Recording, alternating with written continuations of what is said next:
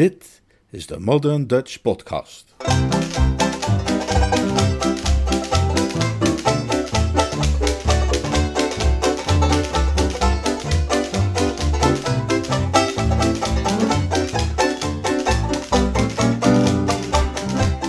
Jeeves en de Liefde. Een roman van P.G. Woodhouse, The Mating Season, vertaald en voorgelezen door Leonard Beuger.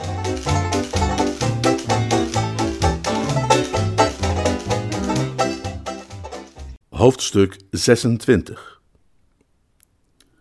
De reacties van een kudde koffiedrinkers en sandwichkauwers in de salon van een aristocratische havenzaten, juist op het punt om toe te happen op de binnenkomst van de plaatselijke koddebeier, zijn wisselend, afhankelijk van wat Jeeves zou kunnen noemen het persoonlijk psychologisch profiel. Terwijl Esmond Haddock de nieuwkomer verwelkomde met een hartelijk halali, bijvoorbeeld, trokken de tantes hun wenkbrauwen op in een gebaar van wij hebben wij de eer van uw bezoek aan te danken, en ging de dominee stuursrecht zitten in een houding die verkondigde dat hij bij de eerste de beste opmerking van de nijvere politieman over Jonas en de walvis precies wist wat hem te doen stond.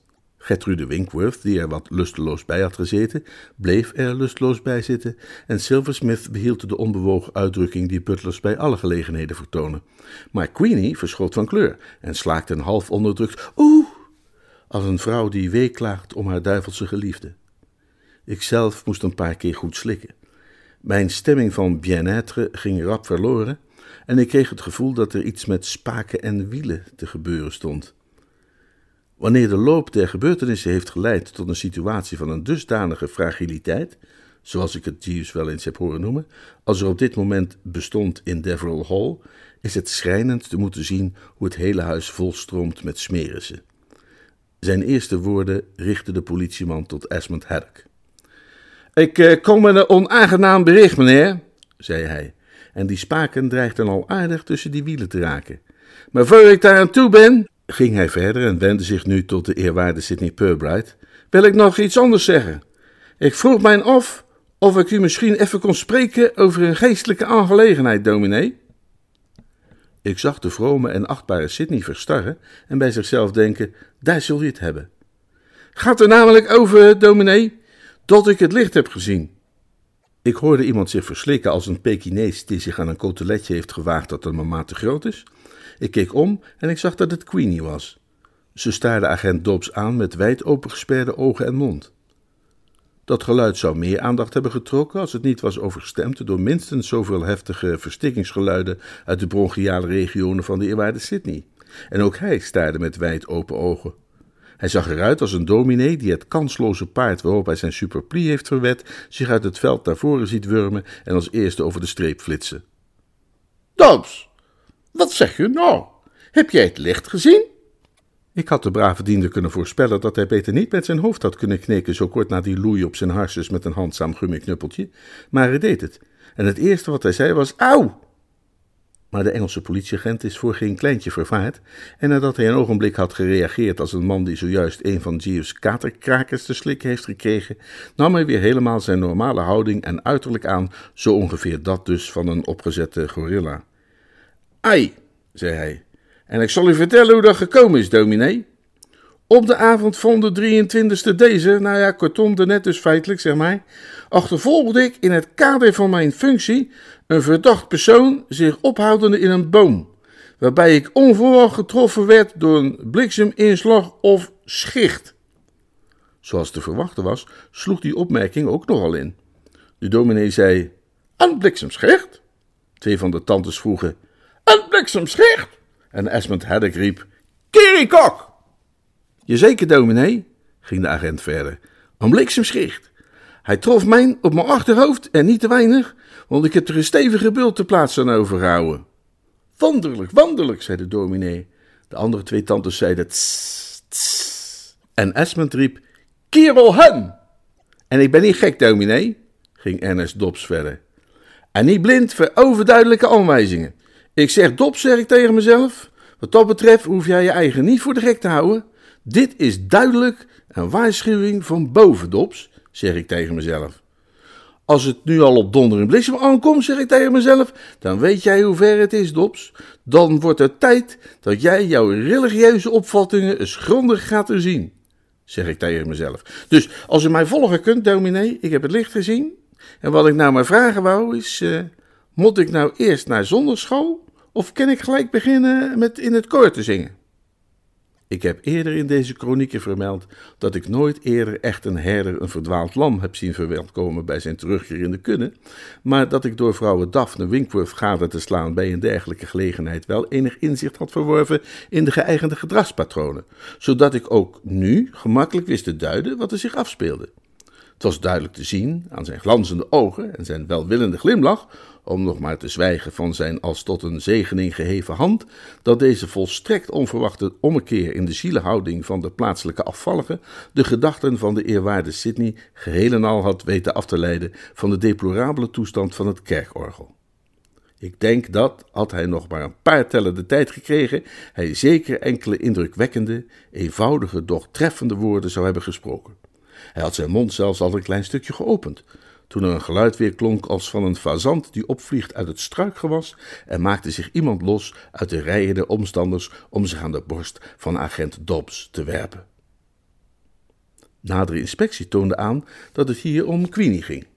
Zij hechtte zich vast aan de handhaver der wet als een kleefpleister en uit de omstandigheid dat zij, oh Ernie, kermde en zijn uniform doorweekte met tranen van geluk, leidde ik met mijn bekende scherpzinnigheid af dat zij probeerde duidelijk te maken dat alles was vergeven en vergeten en dat zij rekende op een spoedige terugkeer van de ring, de brieven en het porseleinen tierenlantijntje met groeten uit Blackpool erop. Daar het verder niet aan mijn aandacht kon ontsnappen dat hij van zijn kant haar naar hem opgewend gelaat met gloeiende kussen bedekte onder de uitroep: Oh, Queenie! Durfde ik wel de conclusie te trekken dat de verenigde gekwelde zielen een sterke stijging doormaakten op de betreffende index en dat ik opnieuw twee herenigde harten op mijn lijstje kon bijschrijven in deze vrolijke lente. Dit soort tedere scènes wordt door verschillende mensen op verschillende wijze ervaren. Ik zelf besefte dat Catsmeet nu vanzelfsprekend van zijn matrimoniale verplichtingen tegenover dit meisje was verlost en was daarom bepaald opgetogen bij de aanblik. In Silversmith boezem kolkten echter zichtbaar heftige emoties nu dit soort gruwelen zich bleken te kunnen afspelen in de salon van Deverell Hall. In een razendsnelle transformatie naar de rol van strenge vader waggelde hij op het gelukkige paar af en met een krachtig ruk aan haar pols trok hij zijn kind los en voerde haar de kamer uit. De verbijsterde agent Dobbs wist zich met moeite voldoende te herstellen om zijn excuses aan te bieden voor het vertoon van zoveel onverhulde emotie, maar de eerwaarde Sidney zei dat het volkomen begrijpelijk was allemaal. Kom morgen maar eens naar mij toe, Dobbs, sprak hij welwillend. Dan zullen wij eens een stevig gesprek met elkaar voeren. Uitstekend, meneer. Maar nu, zei de eerwaarde Sidney, dacht ik maar eens huiswaarts te gaan. Kom je met me mee, Cora? Corky zei dat ze graag nog even wilde blijven. En Vos, die er zich wakker van bewust was dat er nog hele stapels sandwiches gereed lagen, weigerde ook mee te komen, zodat hij er vriendelijk glimlachend uiteindelijk alleen van doorging.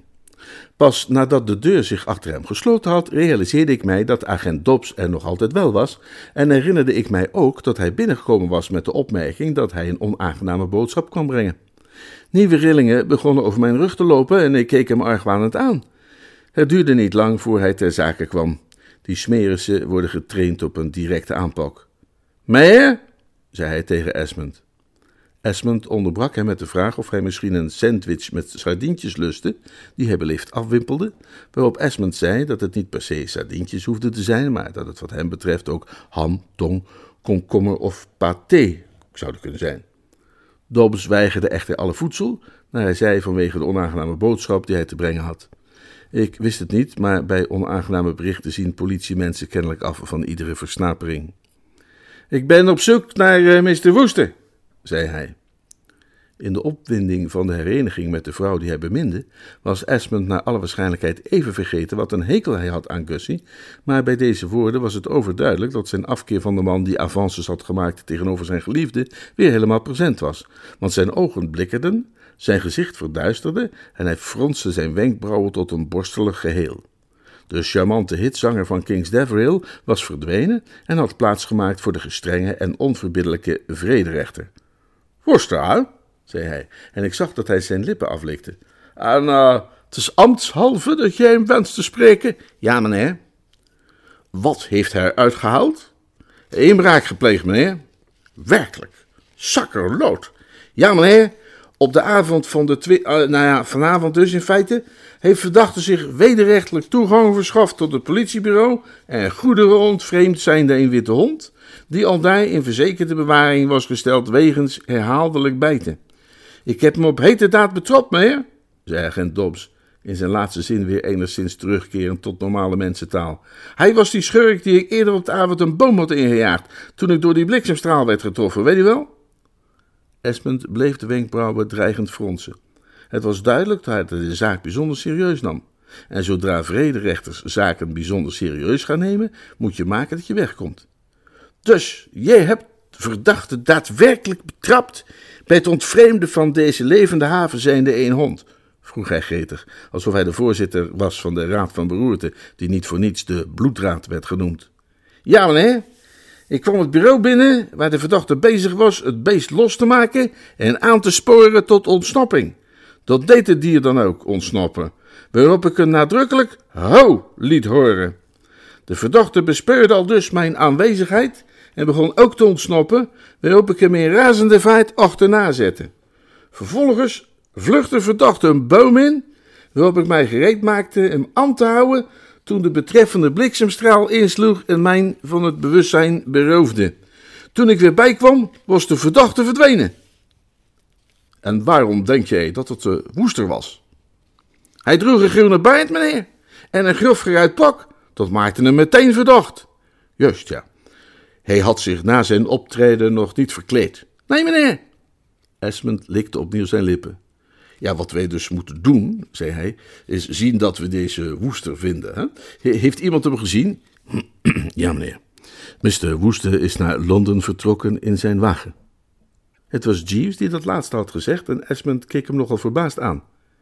En wie ben jij? vroeg hij. Mijn naam is Jeeves, meneer. Ik ben Mr. Woesters persoonlijke bediende. Esmond keek hem belangstellend aan. Ah, jij bent die Jeeves. Zou jou straks even kort willen spreken, Jeeves. Uitstekend, meneer. Niet nu, ja? Straks. Dus, dus, uh, Woester is naar Londen vertrokken, begrijp ik. Ja, meneer. Op de, op de vlucht voor het gerecht. Nee, meneer. Uh, zou ik iets mogen opmerken, meneer? Ga je gang, Jeeves. Dank u, meneer. Ik zou er alleen even op willen wijzen dat de politieagent hier zich vergist wanneer hij veronderstelt dat de onverlaat die verantwoordelijk is voor het delict waarover zojuist gesproken werd, de heer Woester zou zijn. Dat is onmogelijk.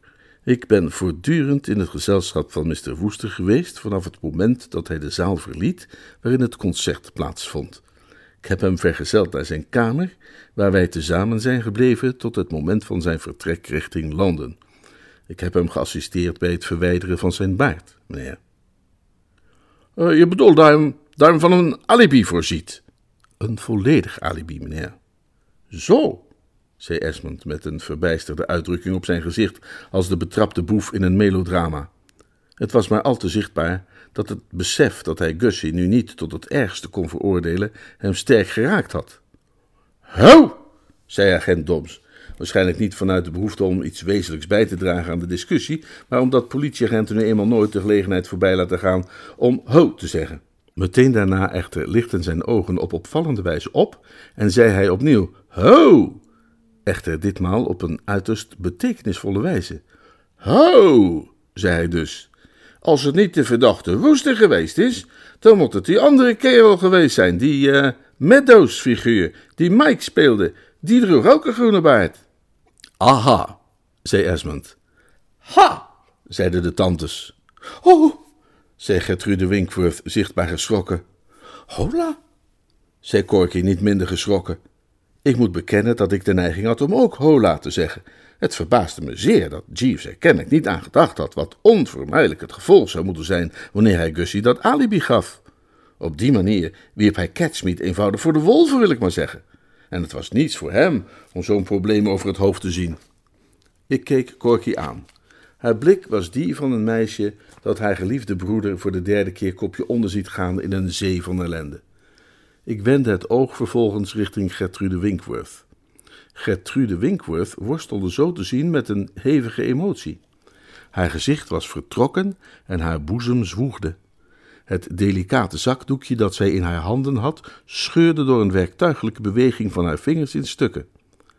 Esmond toonde zich bijzonder vrederechterlijk. Breng Meadows hier voor mij, zei hij kortaf. Uitstekend, meneer, zei Jeeves en vertrok. Toen hij weg was, begonnen de tantes agent Dobbs aan de tand te voelen en wilden allerlei details weten. Toen ze erachter kwamen dat de hond in kwestie geen andere was dan die welke op de avond van mijn aankomst de salon was binnengestormd en tante Charlotte had opgejaagd, bleken zij collectief voorstander van dat Esmond deze Meadows tot de zwaarst mogelijke straf zou veroordelen. Tante Charlotte was zelf de ijverigste van de lobbyisten. Ze waren nog steeds bezig er bij Esmond op aan te dringen dat hij vooral geen clementie zou tonen toen Jeeves terugkwam, Catsmeet voor zich uitvoerende. Esmond wierp hem een uiterst koele blik toe. Meadows? Ja, meneer, u wilde mij spreken? Ik wilde jou niet alleen spreken, zei Esmond op filijne toon. Ik wilde jou dertig dagen onvoorwaardelijke gevangenisstraf geven. Ik hoorde agent Dobbs even snuiven, en ik herkende dat snuiven als een snuiven van vervoering. De indruk die ik kreeg was dat een zwakker man, niet vertrouwd met de ijzeren discipline die heerst in de politiemacht, joepie zou hebben geroepen. Want precies zoals Esmond Haddock het op Gussie gemunt had wegens zijn pogingen Corky hof te maken, had agent Dobbs het op Catsmeet gemunt wegens zijn pogingen indruk te maken op Queenie, het kamermeisje. Beide mannen waren krachtige persoonlijkheden die van mening waren dat een rivaal genadeloos moest worden bestreden. Catsmeet keek verbaasd. Pardon, meneer? Je hebt me wel verstaan, zei Esmond. Hij intensiveerde de kilte van zijn blik nog enigszins. Eh, laat me je drie eenvoudige vragen stellen. Vervulde jij vanavond de rol van Pat in de Pat and Mike sketch? Ja, meneer.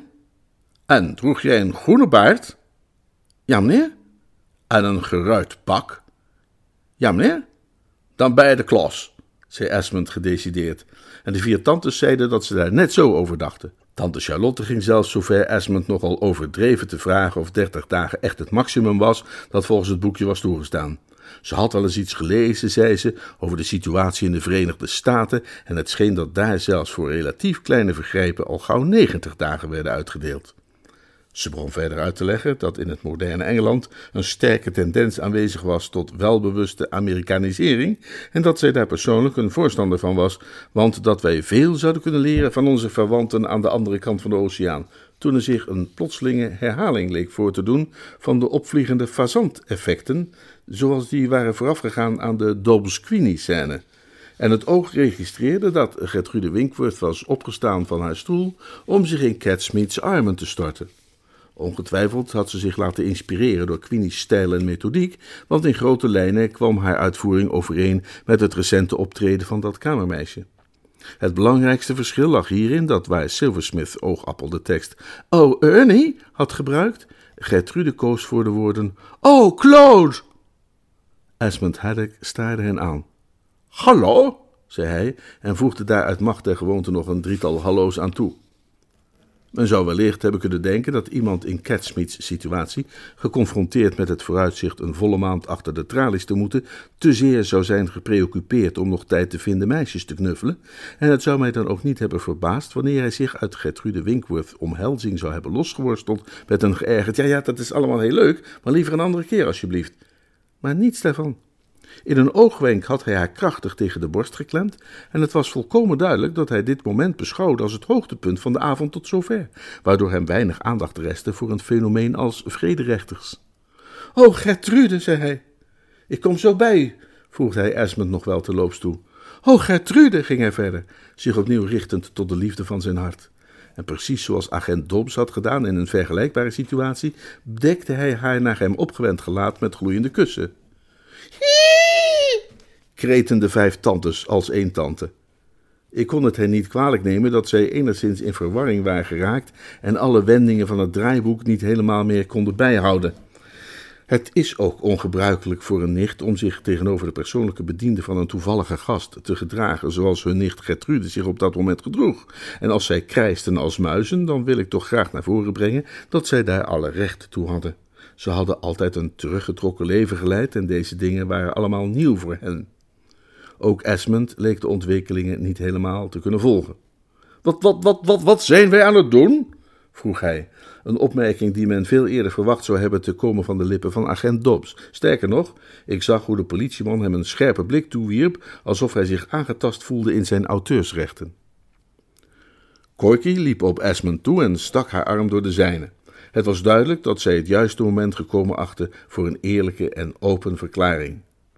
Dit is mijn broer Catsmeet, Esmond. Wie is dat? Hij is dat. Wat hij?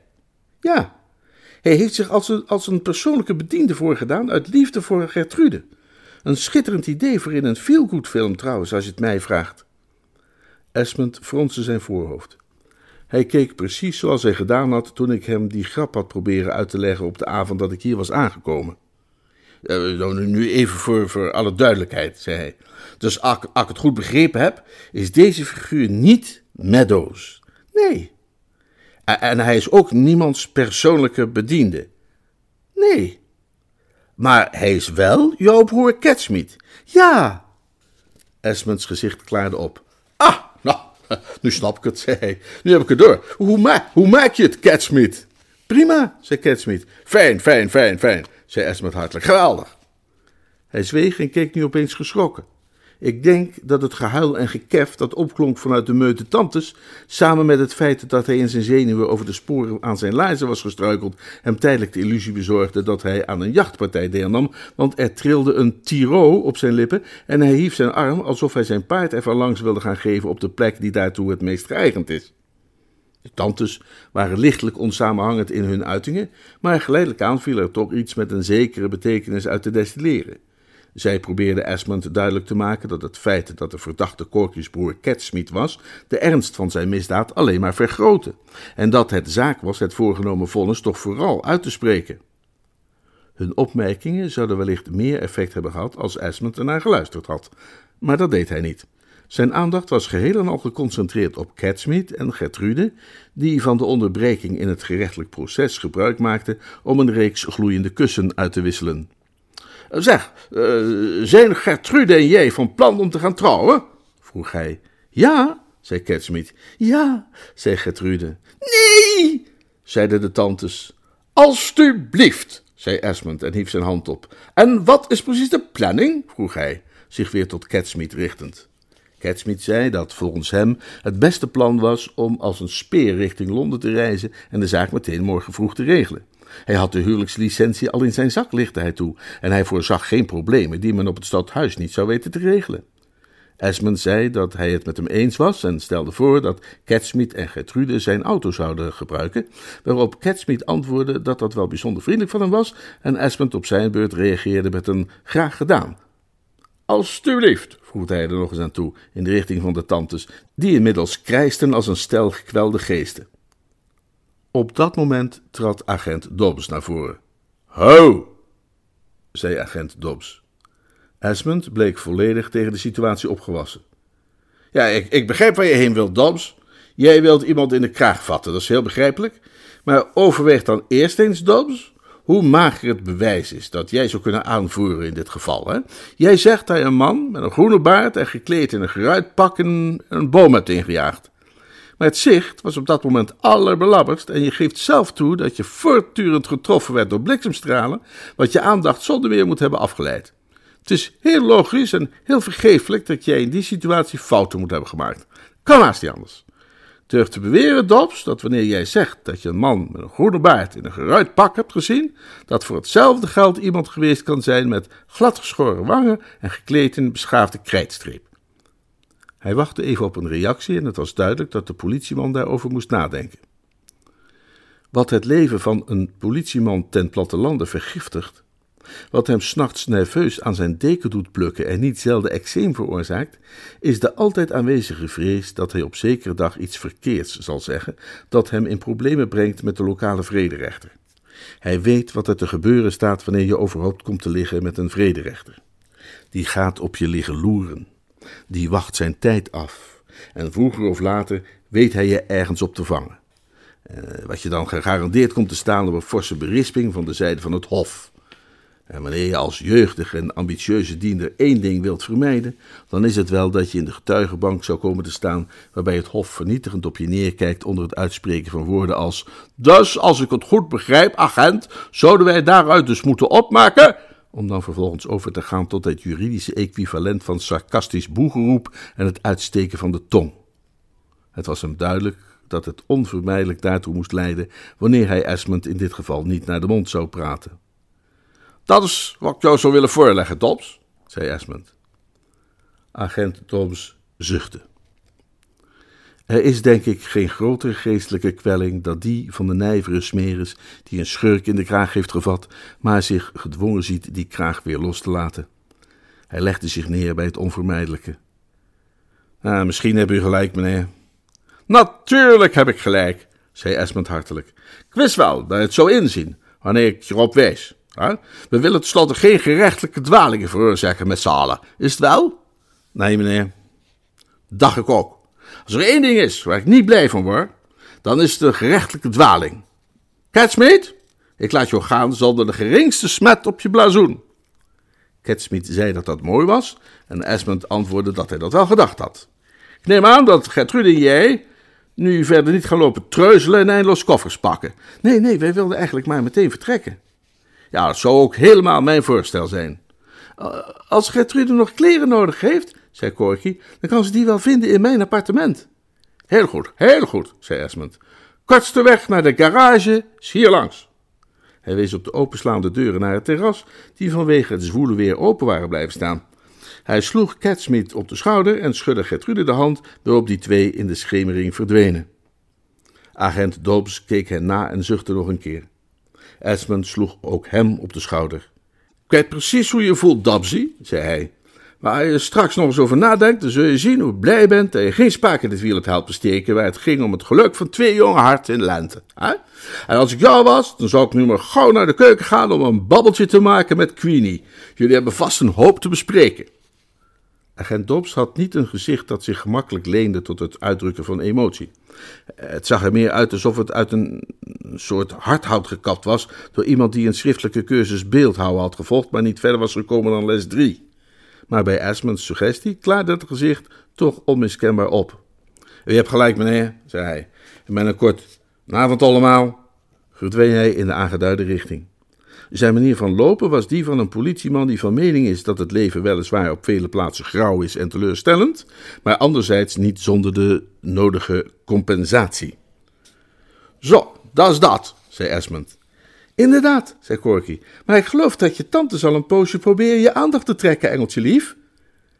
Tijdens de hele voorafgaande scène hadden de tantes, hoewel ik dat, omdat er zoveel andere belangrijke dingen tegelijkertijd ook gebeurden, nog niet heb kunnen vermelden, zich luid en duidelijk laten horen. Sterker nog, het zou niet overdreven zijn om te zeggen dat ze een gruwelijk lawaai hadden gemaakt.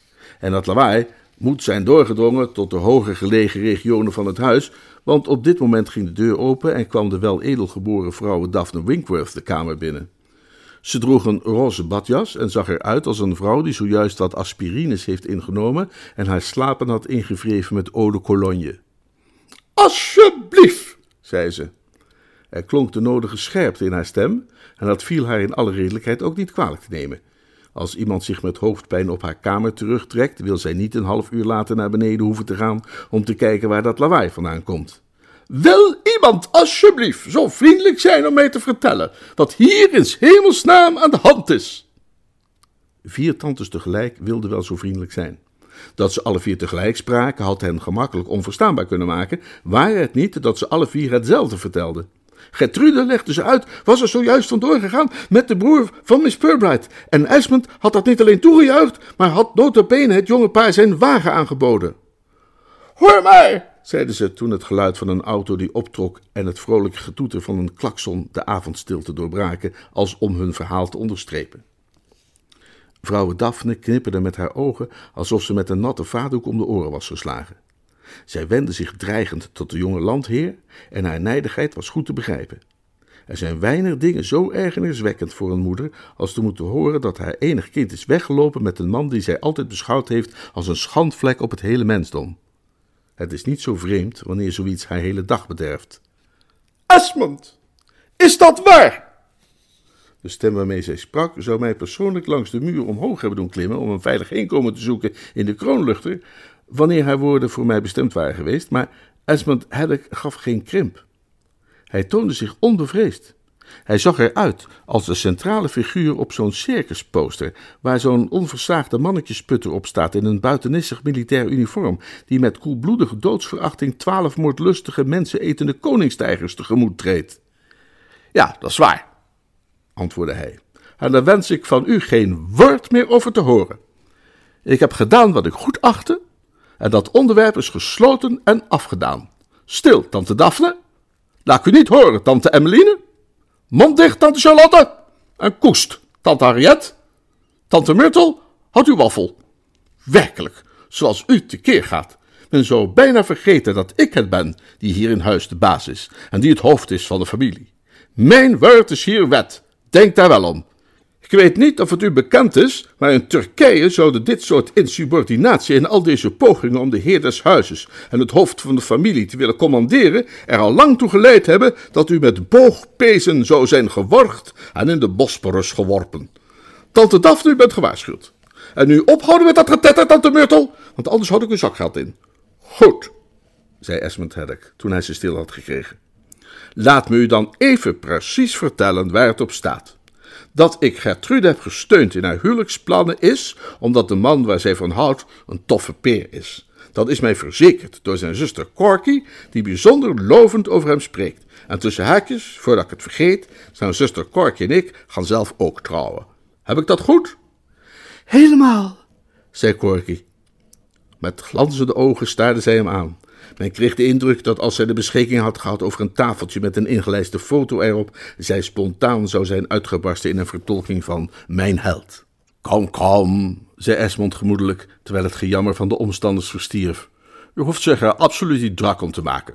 Het zal jullie brave oudjes werkelijk niet raken. Jullie kunnen je leven hier gewoon voortzetten, als je dat tenminste leven noemt, precies zoals altijd. Het enige wat eraan zal mankeren is één haddock, want ik ben van plan mijn vrouw te vergezellen naar Hollywood. En als haar contract daar is afgelopen, dan kunnen wij ons hier ergens vestigen op een rustig plek op het platteland om varkens en, en koeien te gaan telen en dat soort dingen. En dat is het dan zo'n beetje, toch? Corky zei dat ze dacht van wel. Mooi, zei Esmond. Wat dacht je dan verder van een klein wandelingetje in het maanlicht? Hij leidde haar liefdevol door de openslaande deuren naar buiten, en route een kus met haar delend, en ik slipte intussen de deur uit op weg naar mijn kamer. Ik had natuurlijk kunnen blijven om nog wat met de tantes te babbelen als ik dat had gewild, maar ik voelde mij niet zo voor de stemming.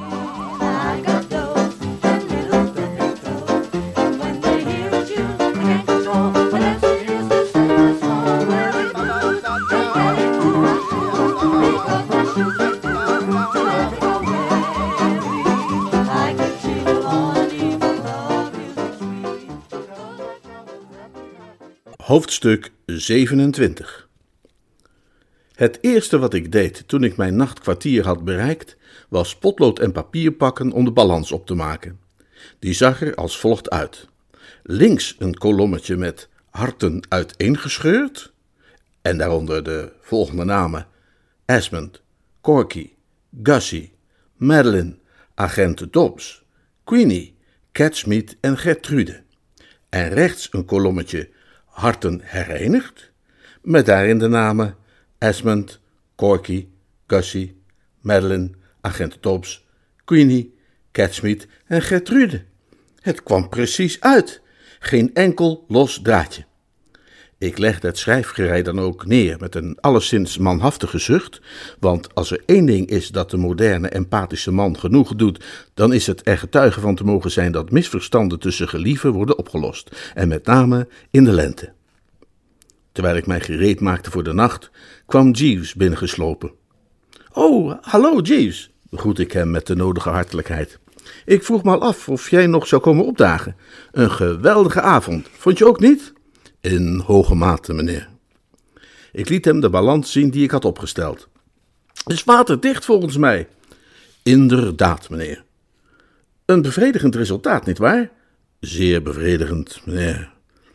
En dat, zoals altijd, dankzij jouw onafgebroken inspanningen. Dat is zeer vriendelijk van u om dat te zeggen, meneer. Helemaal niet, Jeeves. Een nieuwe triomf wordt voor je genoteerd. Ik moet toegeven dat ik op zeker moment wel even heb getwijfeld of je op de goede weg zat. Namelijk toen je Gussie een alibi verschafte want ik vreesde op dat moment dat je Catsmeet daarbij dan juist in de puree zou doen belanden. Maar nadere reflectie deed me inzien wat je opzet was. Jij rekende erop dat als Catsmeet met een pittige straf bedreigd zou worden, Gertrude Winkworth dat niet zou kunnen aanzien en hem te hulp zou snellen. Je ging ervan uit dat haar tere hart zou smelten wanneer ze hem in gevaar zag. Heb ik gelijk of niet?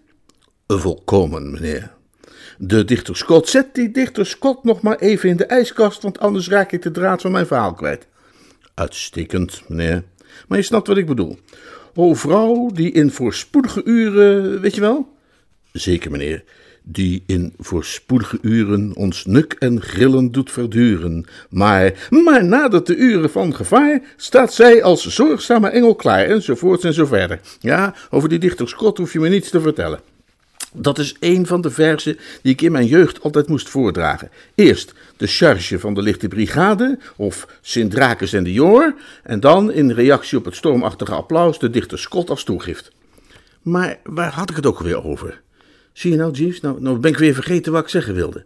Ik had je voorspeld dat het zou gebeuren als jij over de dichter Scott begon. U wilde iets zeggen over de verzoening die heeft plaatsgevonden tussen Miss Winkworth en Mr. Purbright, meneer.